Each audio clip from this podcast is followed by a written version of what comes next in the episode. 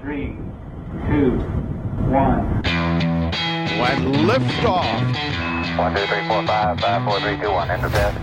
Okay, we checked all four systems, and there you go on modulation, all four, and keying with a go. Tranquility base here. The Eagle has landed. Vi er inne i et nytt eh, år. Det er noe som har snurra rundt andre ting eh, lenge nok. Og vi starter på nytt da, Eirik. Godt nytt år. Takk, det samme. Eh, altså, dette er jo egentlig starten på sesong to. Ja, ish. Det er jo det. Gaute hadde vi eh, nesten-astronauten vår Ja. forrige uke. Eh, skal vi bare si det sånn at vi har det litt travelt akkurat i dag pga. en eventuell grunnlovsvotering. Det er ikke så ofte podkaster har det travelt pga. Det, men det har vi nå.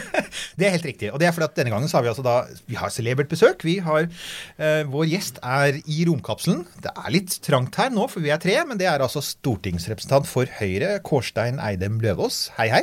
Hei og riktig godt nyttår, begge to. Takk for det. For det, Kårstein. Eh, vi skal jo si det, vi pleier å si sånn koblinger og sånne ting, at Kårstein og jeg kjenner jo hverandre fra gammelt av, fra P4. Så det er litt derfor. Men også fordi at du er eh, eh, Høyres rommemann. Ja. Jeg, jeg hadde jo håpet egentlig på at dette var starten på en episode på hver stortingsrepresentant, ja, for da har vi 160 pluss. Men ok. Men du mener det er romfart, altså? Ja, ja, ja, ja, ja. Da blir det noe færre program hvis Det blir vi noe, skal konsentrere okay. om, om romfart. Men det stemmer at eh, Nils Johan og jeg eh, har en fortid sammen, så jeg har det hengende som et sånn lite ris bak speilet hvis dette bærer helt galt av sted. Oh, give it to me. Det. Men, men hvor, hvor ofte, Kårstein, er det eh, denne romfartsbiten av ditt virke trekkes fram? Det er kanskje ikke hele tida? Nei, og det er vel eh, derfor det er fint å få en anledning til å komme hit også. For du kan vel si det sånn at romfartspolitikk er ikke det som nødvendigvis har stått øverst på agendaen til norske politikere gjennom mange år. I alle fall ikke i bevisstheten, men når man dykker litt ned i og ser hva som er gjort og hva vi deltar på, så, så har det nok ligget der som en del av mange av politikkområdene i mange, mange år.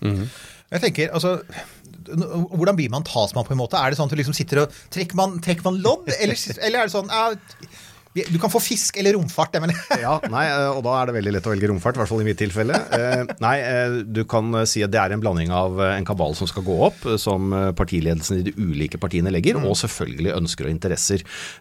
Og det er jo, selv om vi kommer fra ulik bakgrunn, alle vi stortingsrepresentanter, så er det jo en fordel, og det er fornuft i, å gi noen et område eller flere områder som de faktisk er interessert i.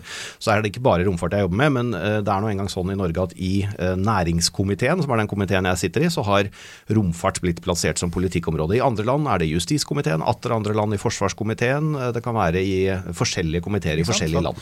Men, altså, men har, du en, har du en gammel interesse for romfart? For vi kan si at vi som sitter her, og veldig mange av de som hører på nå, vi har liksom vært med, og noen av oss har vært med siden Apollo-tida. Jeg innser at jeg er kanskje den eneste her som husker litt av det. Men, men åssen er det med deg? Hvordan, hvordan, har du også en interesse fra ungdom eller barndom? av? Jeg er født før eh, månelandingen i hvert fall, så Åh, endelig! Det er godt, alltid godt å ha noen i studio Ja, som er der. jeg igjen, Ja, Apollo-generasjonen, for the win. Ja. Og så var det også sånn at eh, jeg var så heldig å bli født i, i USA, så selv om jeg ikke husker det bevisst, så, så kan det hende at jeg kanskje underbevisst eh, hørte kirkeklokkene ringe over det ganske Amerika da de landet på månen i 1968. Men eh, jeg har vel som de, andre, de fleste andre gutter vært sånn eh, normalt interessert, syns det har vært spennende. Eh, jeg har sett på filmer og programmer med stor interesse, men eh, den interessen jeg har nå, og den kunnskapen jeg har nå, den har kommet gjennom at jeg da fikk lov til å ha dette som ett av feltene å jobbe med.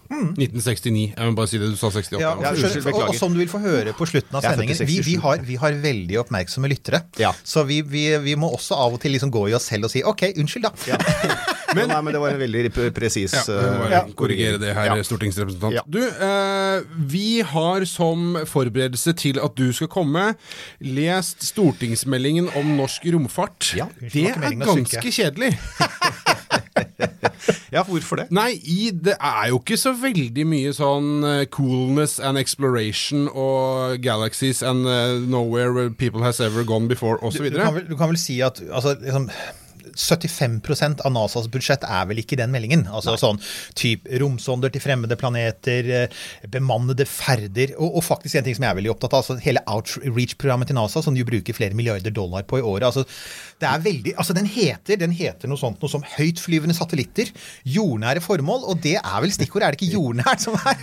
Det er nok det, og det er nok kanskje i hvert fall foreløpig langt på vei Norges eh, rolle i, eh, i, i space også, men det er klart sånne ting som du snakker om, altså Lunar Gateway-prosjektet til NASA f.eks. er jo fantastisk Men, spennende. er, men jeg, jeg finner jo veldig lite om det i denne meldingen. Det gjør du. Er, er, det, er det en grunn til det? Altså Kommer det en egen ja, men altså, det er, her er jeg, Dette er Romnerden som er skuffet. Ja, okay. For vi har jo også hatt folk fra Norske Romsenter her, og de er jo helt sånn Å, ikke sant? Artemis, Lunar Gateway. Og så ser jeg tenker, ok, nå kommer det vel noe om det, da. Um, og så gjør det ikke det. Nei, Nei, og det er vel litt, eh, litt gitt at rolle, eh, den rollen Norge har, er for det første er vi et lite land. eh, Og vi er jo en del av ESA, vi er jo ikke en del av NASA da nødvendigvis. Og så er det også litt sånn, og det må vel til og med nerdene inn- innrømme, at det vi ser, eh, de spennende, altså the cutting edge du ser med astronauter, med Lunar Gateway, med de prosjektene, det er jo en, en liten del av det. Men det er jo spydspissen, det er jo det som driver tingene fremover. Det er det som driver forskningen fremover. Og som kommer Norge til nytte. Og da kommer vi inn på det kjedelige. ikke sant? Vi har nytte av det for å overvåke nordområdene, for å overvåke fiskeriressurser, se på iskanten som trekker seg tilbake, isfrie havner i Russland. Det er veldig mye sikkerhet, eh, og selvfølgelig veldig mye kommunikasjon, særlig i nordområdene, hvor mange ikke har bredbånd, mange har problemer med å få dekning. Og der kommer jo da den kjedelige delen av romfarten inn, men som jo er den nyttige delen, av tross Si, alt. si, det, si det nå. Si det, si det Eirik. Han nevnte eh, internett, dekning og så Kom igjen, si det nå. Nei, ikke ennå. Vi kommer dit. Vi kommer dit. Nei, altså for dette jeg tenker er at det, det er veldig lett altså, Ok, det er en tørr melding. Jeg har lest stortingsmeldinger før. De er tørre i formen. Det er bare sånn de er. Så, så, så det tenker ikke jeg så mye på. Men det jeg liksom tenker er Ok, nå har vi snakka dette litt ned, men jeg syns ok, vi skal snakke litt oppå, fordi eh, rom... Altså, Rombransjen i Norge den er ganske svær, ikke sant? Hvor, hvor mye penger er det som er i omløp her? Det er snakk om ganske mye penger. Eh, anslagene i den romrelaterte industrien i Norge i verdiskapning er 8 milliarder kroner, og dette vokser eh, veldig raskt. Eh, så det er en veldig viktig del av det. og Det er en av grunnene til at det havnet i næringskomiteen i Norge, og ikke i forsvarskomiteen, som det, man, det kanskje hadde havnet i hvis man skulle startet i dag, da, med, med Ja. tanke på at eh, hvis vi hørte forsvarssjefens eh, tale her eh, forleden, så begynner han å peke på de utfordringene de har med overvåkning i nordområdene, f.eks. Ja, det, Vi skal komme litt tilbake til det, for at akkurat det bildet der blir jo stadig mer aktuelt. Men du sier sånn 8 milliarder i året. Hvis vi skal anskueliggjøre det Jeg veit at folk i rommiljøet sier ofte at ja, det er større enn skogbruket. Det er kanskje det? Det er eh, Ja, det kan nok stemme. Nå er jo skogbruket også veldig voksende, og en Ja, det spennende, det. spennende del av det. Spennende det, er, det, er, det er trær og satellitter. Ja, trær og satellitter. Eh, Men også innenfor jordbruk og skogbruk er det faktisk eh, eh, romfart veldig viktig. Fordi dette med presisjonslandbruk og dette med å overvåke ressursene som er, skal man gjødsle mye i den hellingen, skal man vanne lite i den hellingen, er disse trærne modne, er det barkebilleangrep her? Alt dette er ting som kan ses fra rommet, og hvor romteknologi gjør det mulig å drive bedre også jordbruk og skogbruk. Og så er det- men kan jeg bare si det, for at dette her nå, det er jo sånt snev av noe vi har vært inne på tidligere, dette her med å industrialisere verdensrommet. ikke sant? Kanskje riktignok nok ikke at vi skal drive og dyrke verken barkebiller eller grantrær i verdensrommet, men vi, vi bruker det jo til å overvåke det vi dyrker eh, Mm. på, på jorda. Med, og da ve veldig sånn fornuftig og næringsretta og, og, og, og Skipsovervåkning er et Ja. annet område vi er gode på. Ikke sant? Smart, smart, smart En- bruk av teknologi. Energi. Arktis, skipsfart, ja. Ja, du kan jo se fiskefeltene. Hvis man ser på en del av de tilgjengelige dataene som er, så ser du det ligger en rekke identifiserte båter i kanten av de områdene hvor det er eh, ulovlig å fiske. Så plutselig bare forsvinner de, og så er de borte en åtte-ti timer. Og så plutselig dukker det opp i kanten av disse områdene igjen. Og hvor har de vært i mellomtiden? Vel, det er vel grunn til å tro at de kanskje har vært inne i disse områdene. Og dette er jo å stjele ressurser fra Norge, som vi som nasjon må være opptatt av å prøve å gjøre noe med. Så det er, det er utrolig mange virkeområder. Men det er, det er ikke noen raketter på de Nei. Nei. Nei. Jeg er veldig glad i raketter. For uh, Den eneste rakettdiskusjonen vi har akkurat nå, er jo om man skal forby privat nyttårsraketter eller ikke. Men eh, nei, vi, Norge er jo ikke helt i, i, i tet på i hvert fall ikke bemannede ferder. Men det er også viktig å se på at vi har en del spennende ting i Norge også. Andøya rakettskytefelt, Ja. uh, som jo nesten startet en verdenskrig en gang i tiden. Det, Den gjorde jo det.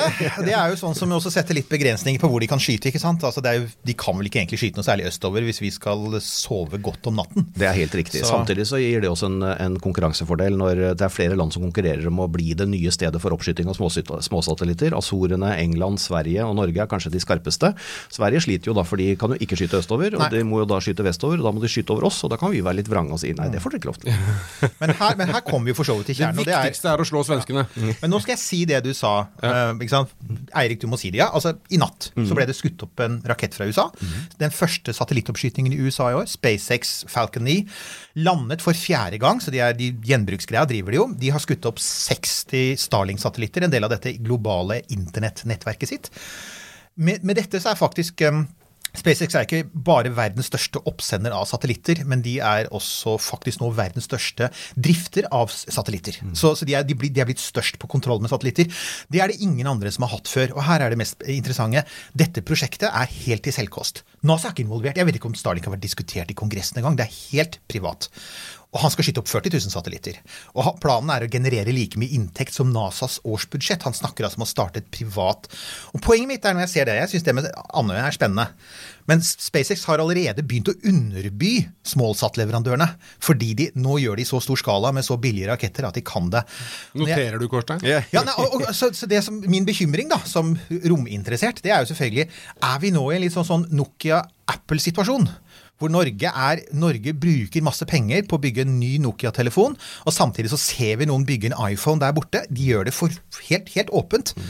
Er vi nå, er vi liksom, er vi, risikerer vi liksom å komme rett inn i en teknologirevolusjon med gjenbrukbare raketter og lave priser?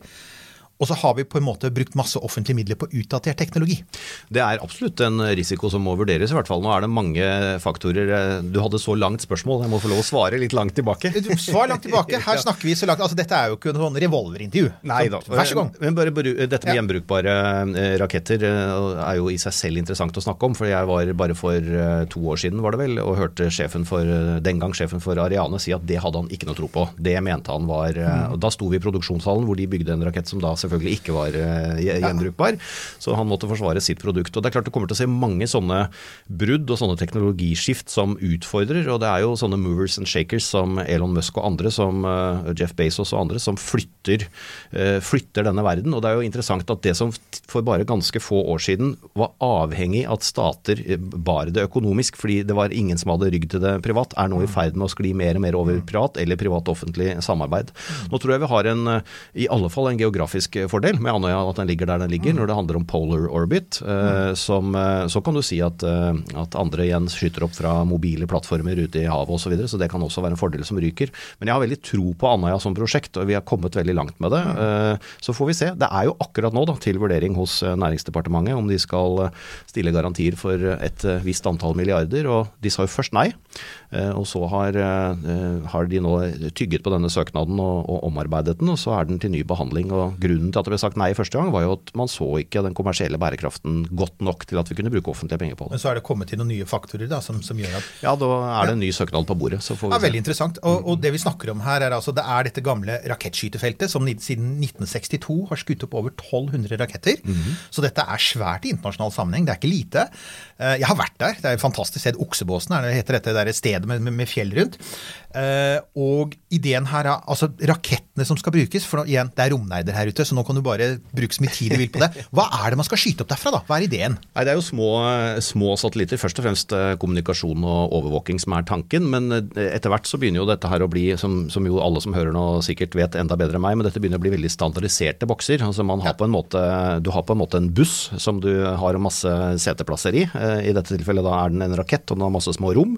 Og så er det standardisert størrelse på det man dytter inn. og Der kan jo private kjøpe plass. eh, Forskningsinstitusjoner kan kjøpe plass, eller man kan kombinere dette. og Der kan det være egentlig hva som helst som får plass i disse boksene som er eh, ja, på størrelse med litt sånn to liters melkekartong eh, eller der omkring. Og vi, det er ikke større, nei. Nei, Men, Oi, men, er men selve raketten, hvem, hvem er det som lager den? Ja, det er eh, I dette prosjektet som nå ligger til vurdering, så, så er jo det kundene som, eh, som betaler. Ja. Hvem det er som fysisk lager den, det, det vet jeg ikke faktisk. Men det er jeg helt sikker på Nei, for jeg vet, ja, nei, altså, jeg, jeg vet jo annet at altså, norske Nammo har jo vært nevnt ikke sant, med sin hybridrakett. De, er jo, de gjør jo kule ting. Definitivt. Og det er jo norske leverandører og underleverandører også til ESAs eh, ulike programmer. Det finnes uh, ting fra Kongsberg, det finnes ting fra Nammo, det finnes ting fra andre enda mindre kjente leverandører som, som jo har teknologi. Men teknologien til å bygge en hel selvstendig rakett eh, og sende den, eh, sende den opp bare med norske deler, det, der tror jeg ikke vi er riktig gjennom. Men det åpner jo opp for, eh, for enda mer leverandører innenfor bransjen. Du vet det nå at det var eh, Kårstein som sa navnet Elon Musk første gang i denne Ja. episoden. Jeg bare Men, nevner men han var ikke først med å si Werner von Braun. Det er sånn jeg som skal si det. Vi, vi kommer til han nå. Der, Ja, det må alltid med. Men du, eh, bare kan jeg, eh, Ja, ja. kan jeg få skyte inn meg litt der fra, fra kantsteinen i rennesteinen her? Bare sånn, Mens vi sitter her og snakker om alt det eh, fornuftige og det lure som eh, romteknologi skal brukes til, og som Norge skal ta del i. Eh, sitter du på masse informasjon som du nå av sikkerhetsmessige årsaker ikke kan fortelle oss? om norsk eh, aktivitet i verdensrommet? Nei, jeg tror, jeg, jeg tror ikke det. Det var jo tilløp til en debatt eh, da man eh, snakket om oppskyting av satellitter fra nord, hvor eh, NRK Finnmark, tror jeg det var, eller NRK Troms, eh, begynte å grave litt i om dette skulle brukes til å styre amerikanske atomubåter osv. Men eh, jeg tror vi kan være ganske trygge på at eh, det Norge gjør, og som er betalt med norske skattebetalers penger, og som skjer fra norsk jord, det er innenfor de eh, reglene som vi har skrevet under på. Men når det er sagt, da, så er det klart at det har vært de siste årene, så har vi sett en klar og tydelig sånn oppgradering av rommet som Det er vel Nato som sier at dette er nå deres femte operasjonsområde. Det er definert som det. Eh, Vi har Trump som snakker om Space Force, som for Ja, ja. øvrig, selv om alle ler av det, blir, er en realitet. nå skjer det ja. ja. Og, og faktum er at overraskende mange i USA er egentlig enig i at det burde ha skjedd for lenge siden. F.eks. Elon Musk sier at jeg syns faktisk det er en god idé, det er bedre å få en klar deling. Så nå skjer det. Og vi veit samtidig at uh, russerne er i full gang. De skyter opp militære satellitter hele tiden. Det er bare Vi hører ikke så mye om det. Så, så øh, Og da tenker, tenker jeg liksom sånn Hva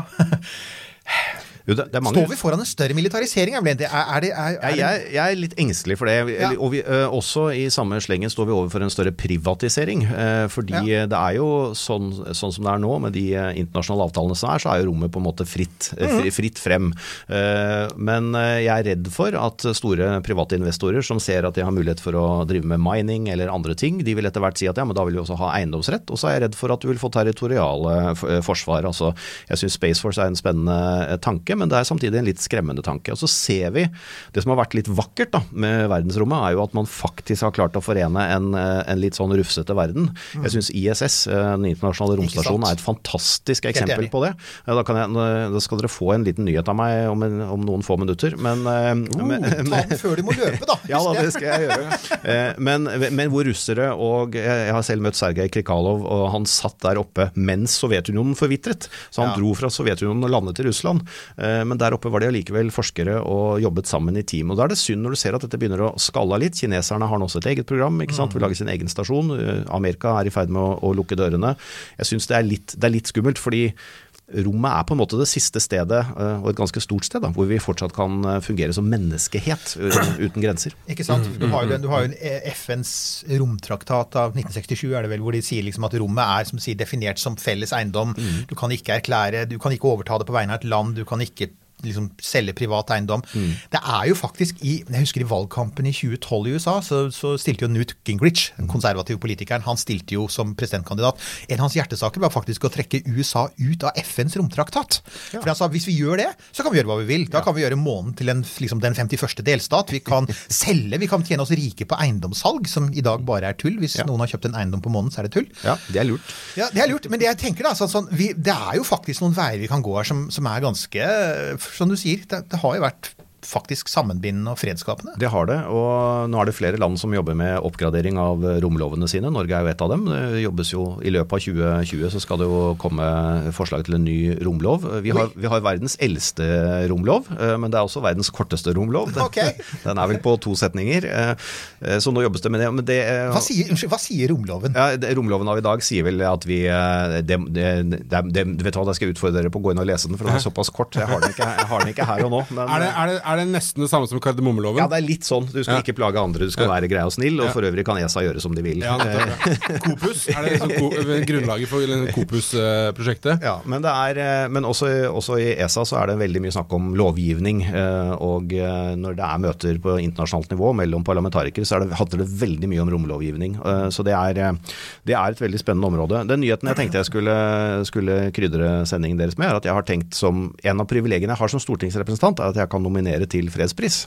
Eh, Og jeg synes at det er på høy tid at den internasjonale romstasjonen blir nominert til en fredspris. Og du Eh, har Og vår fulle støtte!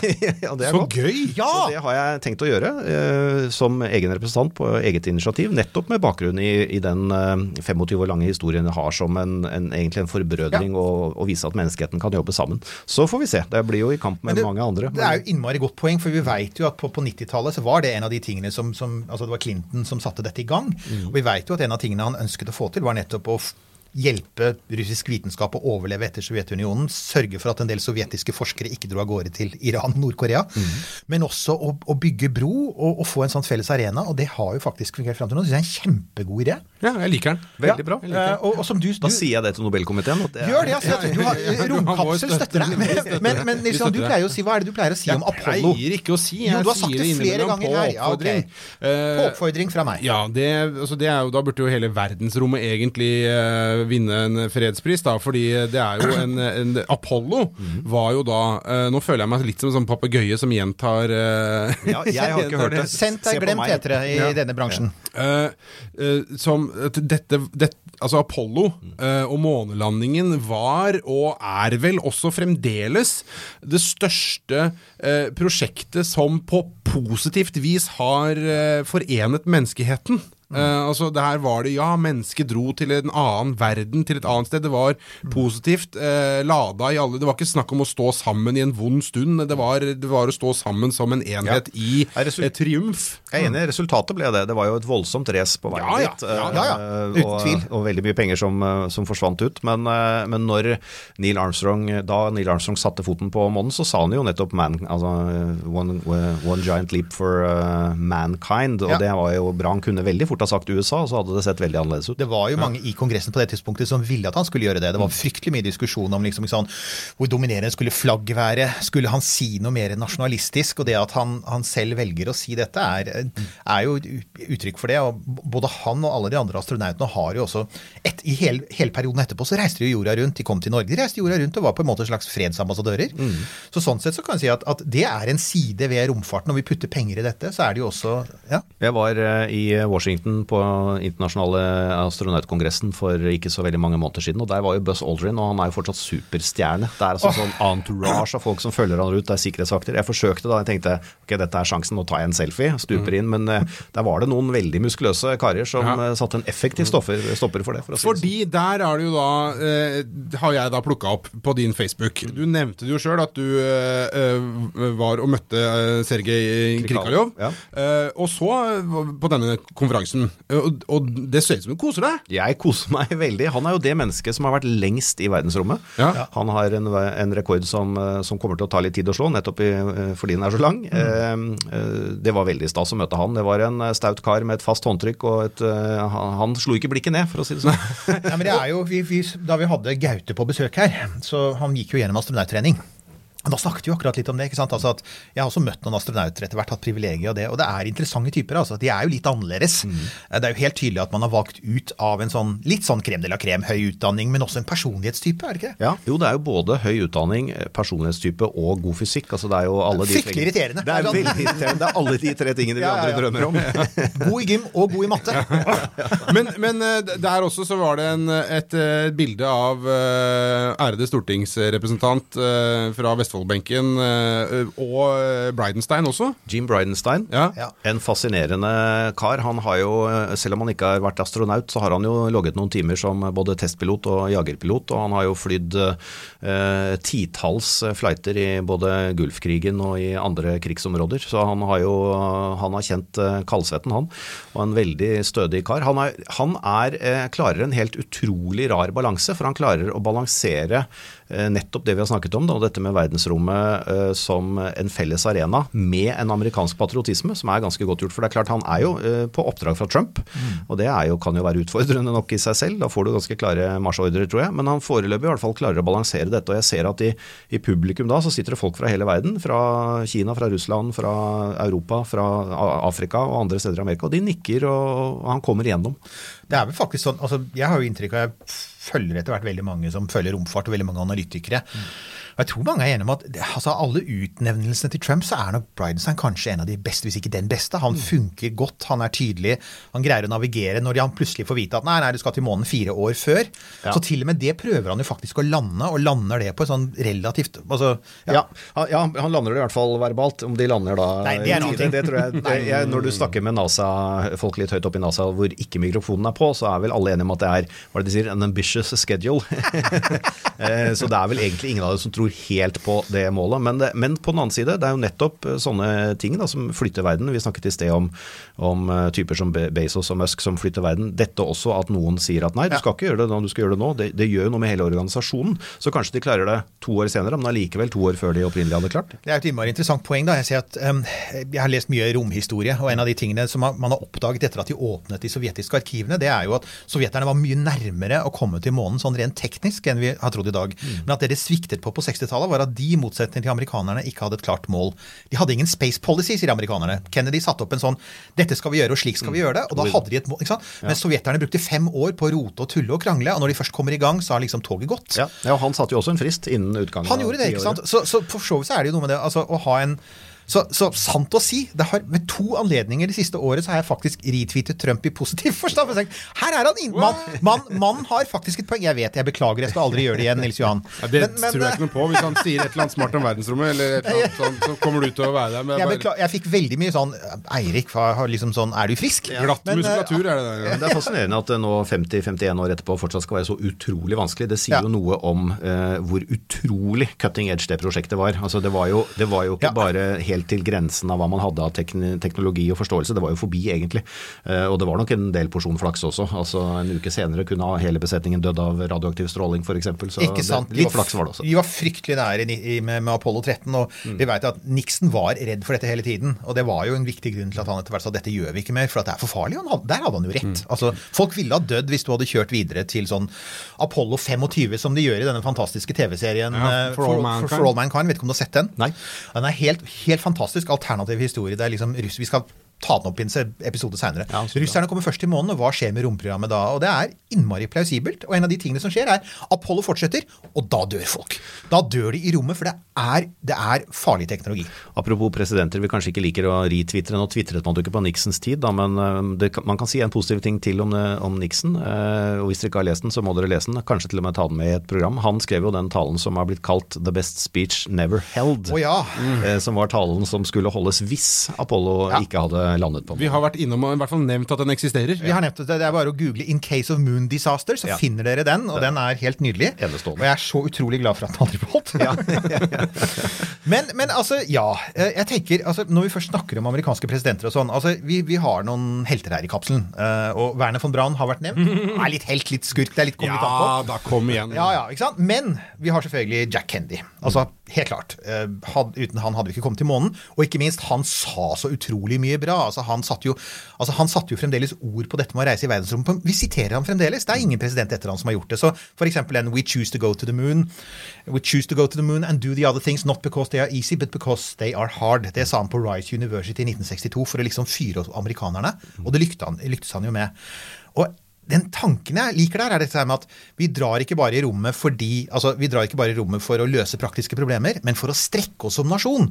USA skal liksom utvikle seg teknologisk, men også for så vidt sånn filosofisk. Altså vi skal strekke hodene våre. Og i fjor så sendte Israel, det er et land som ikke er så mye større enn oss, de sendte altså en sonde til månen. Ok, den krasja. Den spredte bjørnedyr over hele månen, som er et, et, et annet tema. Er, er det livet på månen? Ja, det er det. Det er det, ja, ifølge Petter Bøckmann er det det. Ja. Men, men de gjorde det, og jeg, jeg fulgte litt israelske medier. Det gjorde enormt for interesse. Altså, Israelerne var kjempestolte. Det skapte jo en glød og en interesse.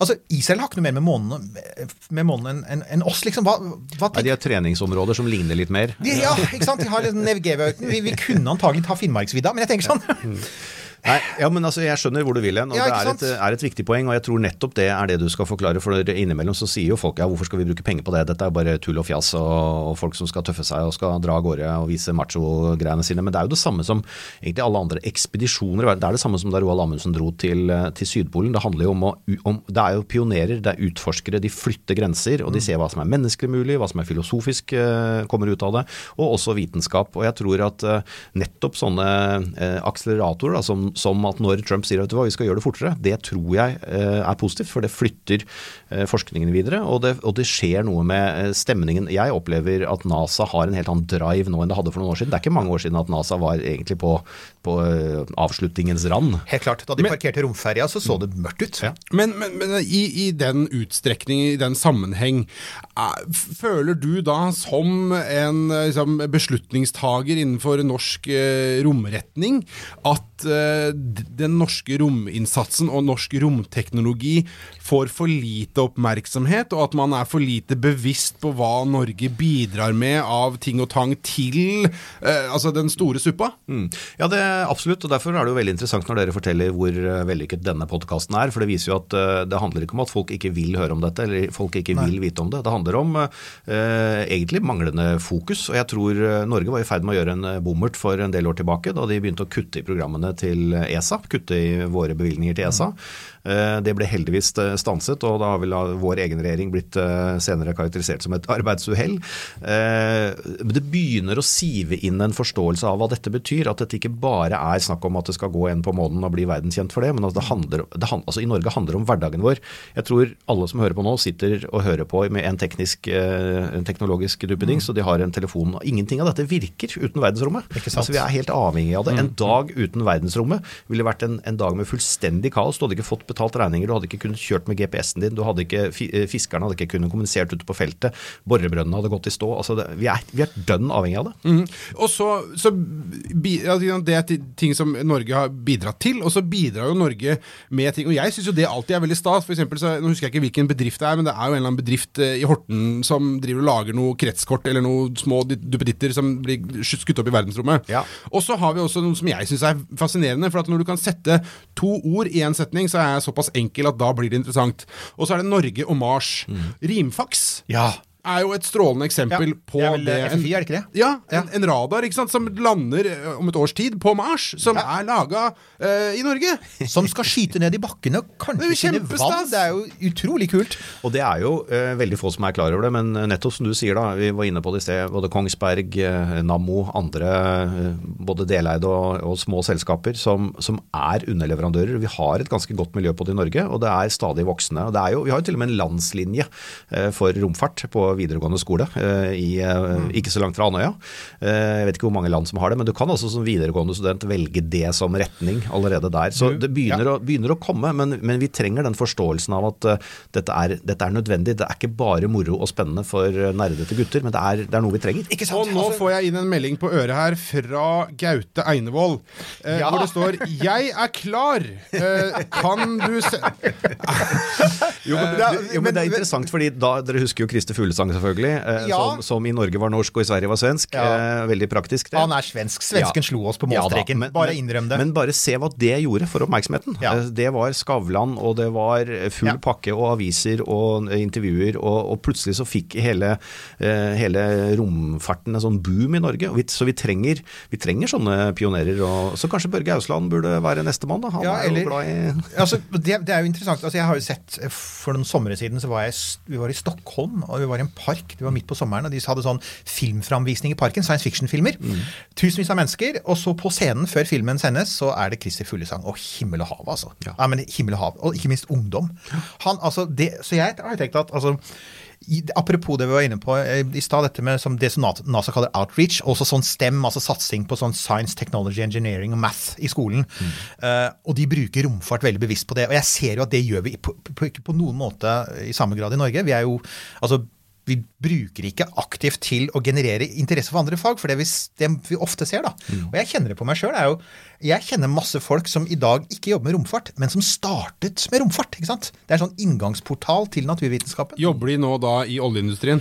Altså, Noen jobber i olje, noen er på universitetet, ikke sant? noen er i andre deler av privat næringsliv, jobber med, sånn, med kart, med alt mulig rart. Men poenget er at, at, dette her er en portal, og dette skjønte allerede Dwight D. Eisenhower skjønte det på 50-tallet. Ja, og jeg tror det å fange fange, fange interesse, er jo det det handler om. fordi at eh, det er mange flere flinke realfagshuer ute i Norge enn det vi klarer å fange opp. Og det, disse vitensentrene rundt omkring er jo fantastiske steder som nok mm. som setter i gang interessen hos mange, men de er jo veldig ofte tuftet på de tradisjonelle norske næringene. Og det er jo ikke så unaturlig heller at man da der ser om eh, oljeplattformer eller fiskemerder eller uh, tunneler som vi er veldig gode på, altså ting vi er veldig gode på. Men uh, det er jo et, uh, dette Narom-senteret som er på, på Andøya, er jo et sånt vitensenter, men hvor, hvor det er romfartsteknologi som da er bærende. Men det er klart det er, det er langt å dra til, til Andøya, så, jeg- så man burde kanskje hatt flere som også var noe mer sentralt plassert. Så et lite sånn, litt sånn eh, pro-tip hvis det blir noe av en eh, sånn rakettbase på Andøya, det er jo å gjøre det som de, alle de store romselskapene gjør nå, med at de har livesendinger og mediagigs rundt det. Altså de gjør en begivenhet rundt det. Det er igjen SpaceX er best på det, de er best på sosiale medier.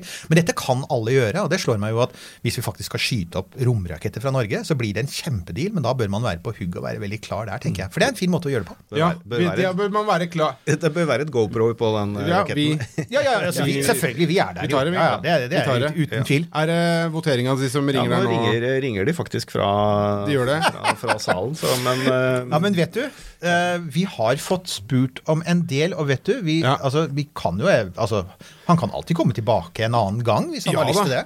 Vi tar med oss nyheten fra eh, representanten om eh, at eh, ISS herved altså skal bli nominert til Nobels fredspris. Fantastisk. Og jeg kommer gjerne tilbake i løpet av året. Vi har, Norge har nå formannskapet i det som heter European Interparliamentary Space Commission, som er en, går på rundgang mellom ESA-landene. Og vi skal ha både en samling på Svalbard og en samling i Oslo med parlamentarikere fra hele Europa utover året. Liten utfordring der helt på tampen, for vi har som sagt vi har begynt å få mye aktivitet blant lytterne våre.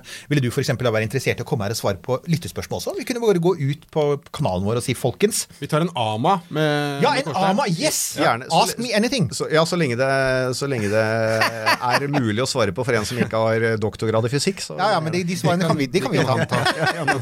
Veldig bra. Kjempefint. Men eh, Um, vi, ja. vi har litt forefallende som, som skal gjøres, uh, Eirik. Men, men Kårstein skal gå og votere om noe greier. Noen sånne små grunnlovs... Ja, en av eh, endringene vi nå vedtar, er at du ikke lenger kan bli satt opp på en stortingsvalgliste mot din vilje. Så da, det tror jeg er lurt. Jeg som hadde tenkt å stifte Romfartspartiet. Søren! Ja, ja, men altså, da har du leder og nestleder.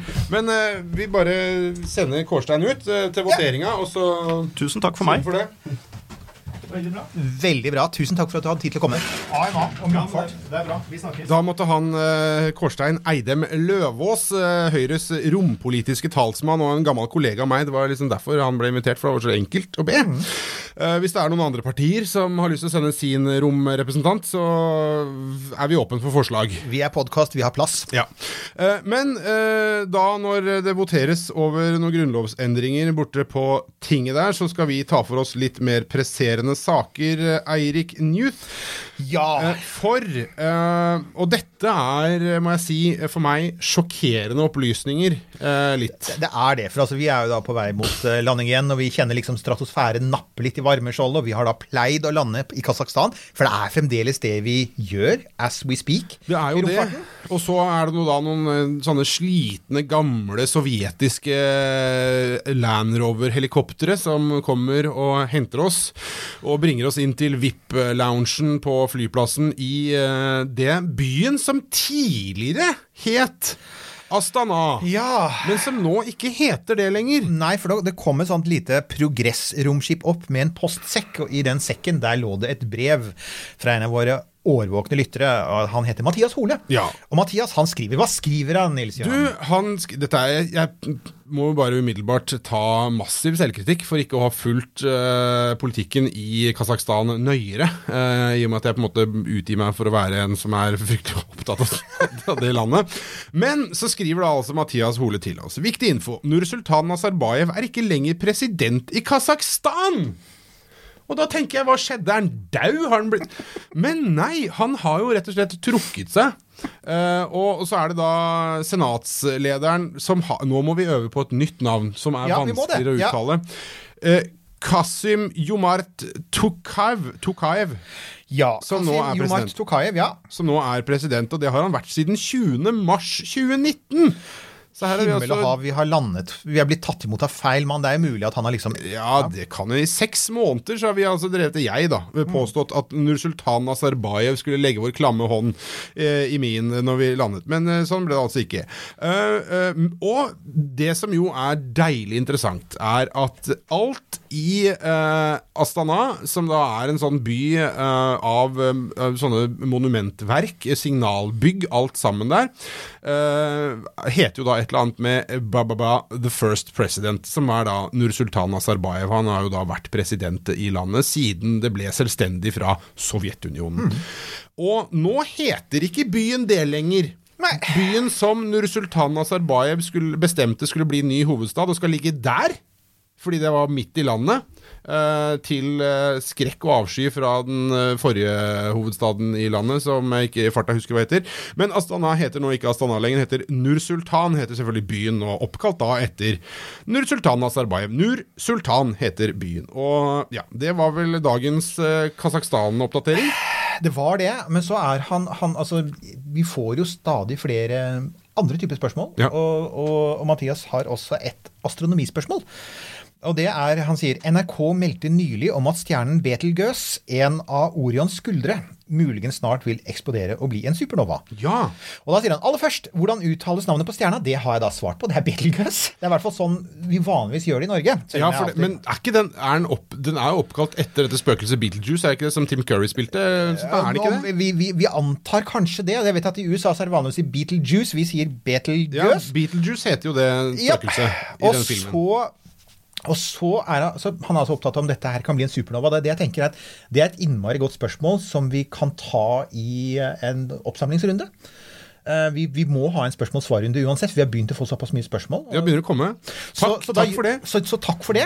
Men så må jeg også si altså, så takk for det, Mathias, og takk for at du er på hugget. Takk til alle der ute som er på hugget. Vi kan, jeg tror vi rekker en rask til. Og det er, Vi har en lytter som heter Øyvind, og han skriver på Twitter eh, om vår legendariske juleepisode Ja. juleferden Apollo 8. Han sier dere roter med mannskapet på Apollo 8, og jeg, jeg han har fullstendig rett. Vi hadde tre astronauter, to av dem var riktige, men én var en som også var aktiv, men ikke var, var i kapselen. Det riktige er det var Frank Borman, Jim Lovell og Bill Anders. Det er de riktige, sier Øyvind. Um, så takk for det igjen, for årvåkenheten. Og når vi først da er i gang med Apollo 8, jeg må jo bare nevne sånn Apropos, vi har jo nettopp snakket om dette faren for at de skulle dø underveis. Altså hvor farlig Apollo-ferdene var. Altså 21. desember, dagen før 21. desember 1968, når Apollo 8 blir skutt opp, så blir Deke Slayton, som, han som er ansvarlig for eh, astronaututvelgelsen i NASA på det tidspunktet, han blir spurt av en journalist er det ikke sånn at astronautene har med seg selvmordspiller. I tilfelle rakettmotoren som skulle sende dem hjem til jorda, sviktet, og de ble fanget i bane rundt om. Ja, ja, ja. For det hadde det begynt å gå rykter om. Og, og, og det er faktisk rykter som har gått veldig lenge. Men Dick Slayton svarte da at slike piller det hadde de ikke, og hvis astronautene ble fanget i bane rundt månen, så hadde de ingen annen mulighet enn om å be til Gud. Så, og dette har jo blitt benektet flere ganger. En annen som har benektet, er altså Jim Lovell, som da var i Apollo 8, og som også var mannskap i Apollo 13. Der hvor de nesten Ja, døde. Han sier det samme. Han sier at han skjønner ikke hvor dette kommer fra, men nei. Eh, og uansett, altså hvis man ønsker å ta livet av seg i rommet, så kan vi vel være enige om at det er veldig raskt og smertefritt å ta livet av seg i rommet. Ja. Er- Åpne døra. Åpne døra, og du er bevisstløs på to sekunder og dør innen et minutt. Du er faktisk raskere enn en cyanidpille. Så, så, så nei, vi, man trenger faktisk ikke selvmordspiller, og man har det ikke. Og på de glade tonene Ja! så uh, skal vi uh, lande da og bli tatt imot av han nye. Som heter- Som heter, skal vi se Tokajev et eller annet. Eh, Kwasim Jomart Tukayev. Og jeg er så fornøyd med at jeg tok etternavnet. Og han har antagelig de samme klamme hendene som uh, Nusurban. Jeg holdt på å si Saleh Nursultan. Nusur... Nur Sultan Nazarbayev. Vet du hva jeg gleder meg til, eh, Nils Johan? Jeg gleder meg til at eh, enten SpaceX eller Boeing får opp dette, denne kapselen sin, for det skal to kapsler opp i løpet av dette året. Eh, Crew Dragon eller Starliner. Og de kommer til å lande i amerikansk farvann eller på amerikansk land. Og det er helt normal, ikke-klam, ikke-korrupt politiker, så vi kommer til å lande hos Trump. Ja, nei, men du, eh, skal vi bare si snakkes? Takk for nå. Snakkes. Denne Podkasten er produsert av Tid og. Lyst.